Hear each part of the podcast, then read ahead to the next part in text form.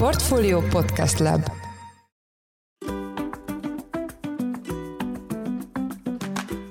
Mindenkit üdvözlünk, ez a Portfolio Business Podcast új adása, amely az Exim Bank támogatásával jelenik meg, én Szász Péter vagyok. Folytatódott a Baros Gábor újrahiparosítási hitelprogram 2024-ben, Ugye ez nem véletlen, nem véletlen, hogy a kormány így döntött, hiszen a magas kavat környezetben nagyon sok cég élt vele, legyen szó akár forgóeszközhitelről, legyen szó akár beruházás, finanszírozásról. Erről fogunk beszélgetni Kis Gergely Kornéllal, az Exim Bank vezérigazgatójával, aki itt is van a műsorban. Jó napot kívánok! Jó napot kívánok, köszönöm a meghívást! Az első kérdésem, vagy kérésem, hogy kicsit tekintsünk vissza a hitelprogram indulására, mikor is indult ez a hitelprogram, milyen forrásokkal és feltételekkel? A Baros Gábor hitelprogramot azt 2023. januárjában jelentettük be, ugye februárjában lehetett erre már jelentkezni a vállalkozásoknak. Látható volt már 2022 végén, 2023 elején, hogy a 23-as év az gazdasági szempontból még egy nehéz év lesz.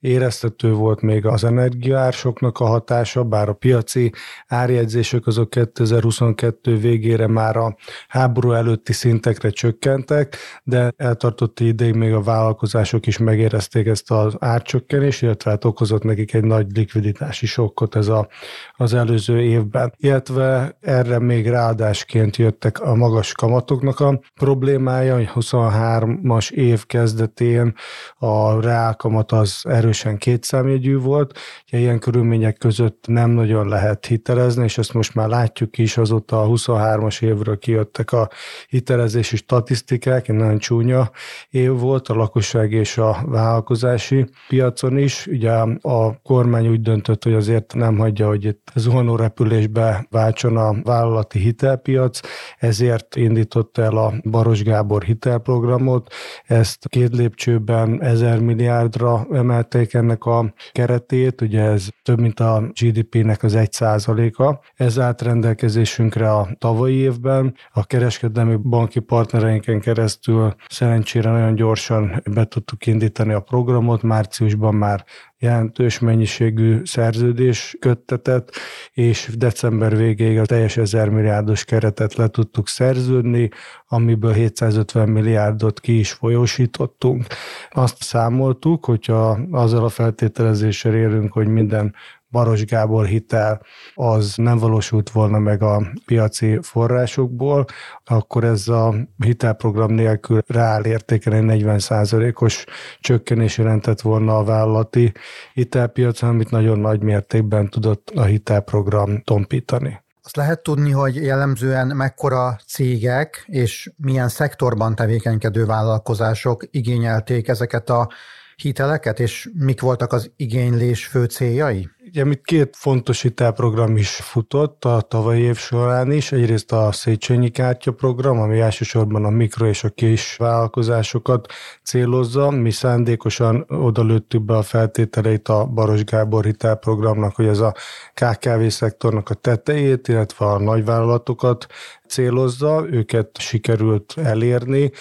A 250 főnél többet foglalkoztató vállalatoknak a 15%-a vett föl Baros Gábor hitelt, úgyhogy egy elég széles elérésünk volt. Hitelcélok tekintetében a legnépszerűbb hitelcél az a forgóeszköz a finanszírozás volt, ugye az 1000 milliárdból 600 milliárd az forgóeszköz finanszírozásra ment el. Ez egy speciális helyzet volt a tavalyi évben, hiszen nagyon sok cég volt, akik még akár növekedési hitelprogramba vettek föl forgóeszközhitelt, ami tavalyi év során lejárt, és ezt a két és fél százalék vagy annak kedvező kamatot csak 20 százalék környékén tudták volna megújítani a piacon, ami elképzelhető, hogy olyan teher lett volna számukra, amit nem tudtak volna vállalni. Ebben az esetben ugye egy alacsonyabb forgó eszközállománya, alacsonyabb kibocsátás mellett a GDP visszafogással esetleg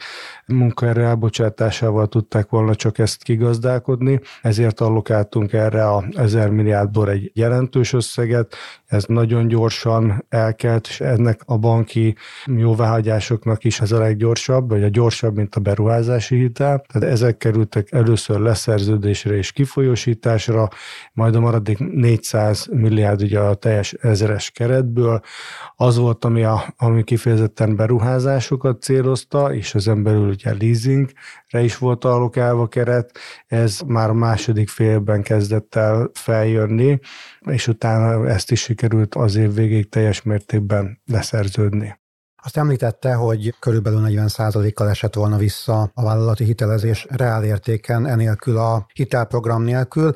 Arra van-e valamilyen számítás, hogy milyen mértékben növelte a hazai GDP-t ez a hitelprogram azon keresztül, hogy a cégek beruháztak? Ezt nagyon nehéz megválaszolni, mert először akkor azt kéne kitalálni, hogy mi lett volna, ha nincs a hitelprogram. Azt nagyon nehéz megbecsülni, hogy hol van a magyar vállalkozásoknak a töréspontja, hogy hány cég ment volna csődbe akár ennélkül a hitelprogram nélkül. Ja, hogyha ez egy nagy szám, akkor a tavalyi év az egy a bekövetkezőnél is egy sokkal rosszabb gazdasági növekedés jelentett volna, de hogyha ezt nem veszük figyelembe, csak a pótlólagos hitereknek a gazdasági hatását veszük számításba, akkor ez körülbelül fél százalékponttal növelte a tavalyi GDP-t. És azt lehetett tudni, hogy az a az által említett ugye 400 milliárd forint, amely beruházási hitelre ment, az milyen értékű beruházásokat indukált? Ugye nyilván ennek az értéke és annak a hozománya sokkal nagyobb, mint magában a hitelértéke. Igen, persze, mert minden hitelnél van saját önerő elvárás, és ráadásul jellemzően ezt kezdik előbb költeni a cégek a beruházások során. Erre becsléseink vannak, tehát 400 milliárdos hitel esetében biztos, hogy benne legalább egy 200 milliárd az, ami egyéb önerőből történt mozgósításra. Milyen jellegű beruházások voltak ezek? Ugye beszéltünk arról, hogy különböző méretű cégeknek folyósították ezt. Esetleg tud-e valami jó példát mondani, egy olyan beruházást, amely ennek a segítségével valósult meg például a külföldön? Ezek a beruházások, bár felhasználhatók voltak külföldi befektetésekre is, és külföldi vállalkozásoknak a felvásárlására, a tavalyi környezet azért nem az a gazdasági klíma volt, ahol a külföldi terjeszkedés volt a cégek számára a legfontosabb. Nagyon sok esetben láttuk azt, hogy energiahatékonysági beruházásokra fordították az általunk felvett összegeket, Ugye ez egy kiemelt célja is volt egyébként a hitelprogramnak, a kedvezményes kamatokkal, a kedvezményesnél is alacsonyabb kamatokkal lehetett ilyen célokra fordítani a hitelt, Egyébként pedig kapacitásbővítő beruházások is voltak, hogy a, a hiteleknek a egyharmadát azt a feldolgozó ipar vette föl, másik fontos szereplő volt a nagykereskedelmi szektor, illetve ingatlan ügyletekbe is voltak beruházások. Az új, vagy pontosabban kibővített keret elindult január 15-én, ha jól tudom. Igen. Most mi február második felében beszélgetünk. Az egyik kérdésem, hogy van-e valami eltérés a mostani feltételek és a korábbi feltételek között, tehát azok között, amelyeket a január 15-i meghosszabbítás után érhetnek el a cégek. A legfontosabb talán az, hogy még kedvezőbb a kamatozás, hiszen közben a piaci kamatok is és az infláció is lejjebb jött, így most forintban ez 5%-on volt elérhető, euróban pedig 3%-on, csak beruházásra és leasingre, és ezt a kiemelt ágazatok vehették csak igénybe, amilyen a autóipar, élelmiszeripar, gyógyszergyártás, építőipar, logisztika, turizmus, vendéglátás és a telekommunikációs szektorok, esetleg az ő beszállítóik. Hogy ezt tavaly évvégén hirdettük meg, hogy volt ideje a cégeknek és a bankoknak már készülni a 15-i indulásra, és a múlt héten pedig felfüggesztettük, mert a 200 milliárdos keret az el is fogyott. Ennek tükrében akkor várható még további keretbővítés? Jelen pillanatban nem tudok ilyen bejelentést tenni, elképzelhető, de azt is figyelembe kell venni, hogy most az uniós források is megmozdultak, lesznek ismét az MFB által közvetített uniós hitelek szintén kedvező kamatozással, illetve abban bízunk, hogy piaci kamatok is legalább az év második felére talán normalizálódnak. A tavalyi év az rendkívüli év volt, az Exim Banknak a mérleg főszege az 75%-kal nőtt. Itt próbáltuk a tavalyi évben egy ilyen anticiklikus gazdaságpolitiká a részeként működni, de hát ezt minden évben nem szükséges megcsinálni. Az idei évnek az első fejét még fontos megtolni, mert még mindig nem olyanok a hitelpiacon a környezet, ami különösebben támogatná a kilábalást.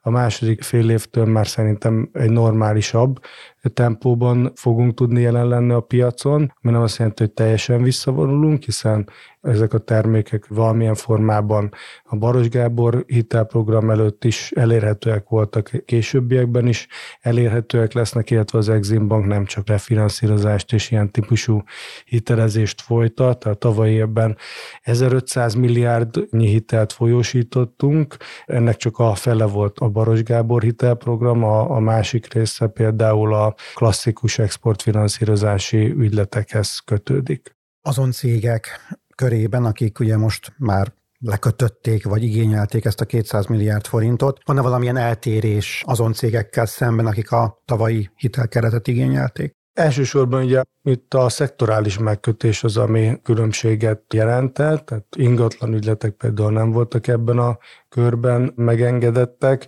de azért, ahogy mondtam, a tavalyi évben is a nagy részét a hitelprogramnak azt a feldolgozóipar vette föl, illetve úgy fogalmaznék inkább, hogy ő volt a legnagyobb hitelfelvevőnk, úgyhogy ezeket a különbségeket látjuk most. Említette, hogy azért lesz létjogosultsága a Baros Gábor programnak akkor is, amikor a piaci kamatok alacsonyabbak, de azért mégis muszáj visszatérnem egy kérdés erejéig, akár általánosságban kérdezve, hogy valóban ezeknek inkább akkor van létjogosultsága, amikor egyszerűen képtelenség piaci alapon hitelt felvenni, vagy nagyon komoly kamatokkal, vagy mondjuk úgy, hogy békeidőben is azért keresettek lesznek ezek. Érdemes ketté választani a Exim Banknak a tevékenységét. Egyrészt van egy anticiklikus szerepünk, hogy amikor általánosságban rosszul megy a magyar gazdaságnak, akkor mi segítünk, és akkor nem csak az exportőröket segítjük, hanem a gazdaságnak, a, a vállalkozó szektornak a széles rétegét, hogy ez már történt a pandémia idején, és ez történt most a Baros Gábor hitelprogram esetében is. Ez ugye azokban az években fontos, amikor egyébként nehezebben teljesít a gazdaság, negatív sokkok érik, de amikor ilyen nincs, ugye akkor is van egy feladatunk, az exportfinanszírozás, ami pedig egy ilyen mondjuk egy piaci hiányosságnak a kitöltése, hiszen az exportőrök külföldön az a cél, hogy a termékeik minőségével és a termékeik árával versenyezzenek, ne pedig a finanszírozásuk szabja meg a korlátokat. Ezeket a hátrányokat árakat, amit mondjuk egy magyar exportőr indul egy német exportőrrel szemben, ezeket hivatott az exportfinanszírozás kiegyenesíteni, ugye ez egy nemzetközi OECD által regulált keretrendszerben történik, ami biztosítja azt, hogy a finanszírozásban nem alakul ki verseny, ezt a szerepet ezt betöltjük abban az időben is, amikor egyébként a gazdaságnak jól megy. Említette, hogy mely szektorok számára nyitott most ez a hitelprogram. Miért ezeket a szektorokat választotta ki vajon a kormányzat? Azért, mert ezek a nagy növekedési potenciállal rendelkező szektorok, vagy azért, mert éppen az elmúlt éveknek a rágazdasági sokja őket érték a legérzékenyebben, vagy egyszerűen hosszú távú kitörési potenciálral rendelkeznek, ilyenre gondolok a telekommunikációs szektor és a autóipar az mindenképpen, illetve a gyógyszergyártás is ebbe a mezőnybe sorolható. Végén szeretném azt megkérdezni, hogy milyen növekedést vár az Exim Banktól 2024-ben éves bázison, és mik a rövid távú vagy középtávú terveik? Az nagy valószínűséggel állítható, hogy refinanszírozásban nem leszünk olyan aktívak, mint a tavalyi évben voltunk, de azért továbbra is hozzuk azt a válság előtt megszokott szintet, ami most a stratégiánk fókuszába került az idei évtől, az a kifektetési politika, azaz a magyar vállalkozásoknak a külföldi lányváltónak a megvásárlásának a finanszírozása. Itt már számos konkrét ügyletről tárgyalunk, ezek jelentős része az idei évben biztosan meg is fog valósulni. Köszönjük szépen az elmúlt percekben Kis Gergely Kornél, az Exim Bank vezérigazgatójával beszélgettünk a Baros Gábor újraiparosítási hitelprogramról. Köszönjük szépen, hogy a rendelkezésünkre állt. Köszönöm szépen én is. Ez volt a Portfolio Business podcast adása. A műsor elkészítésében részt vett Bánhidi Bálint, a szerkesztőjén voltam Szász Péter. Új műsorra hamarosan jelentkezünk. Sziasztok!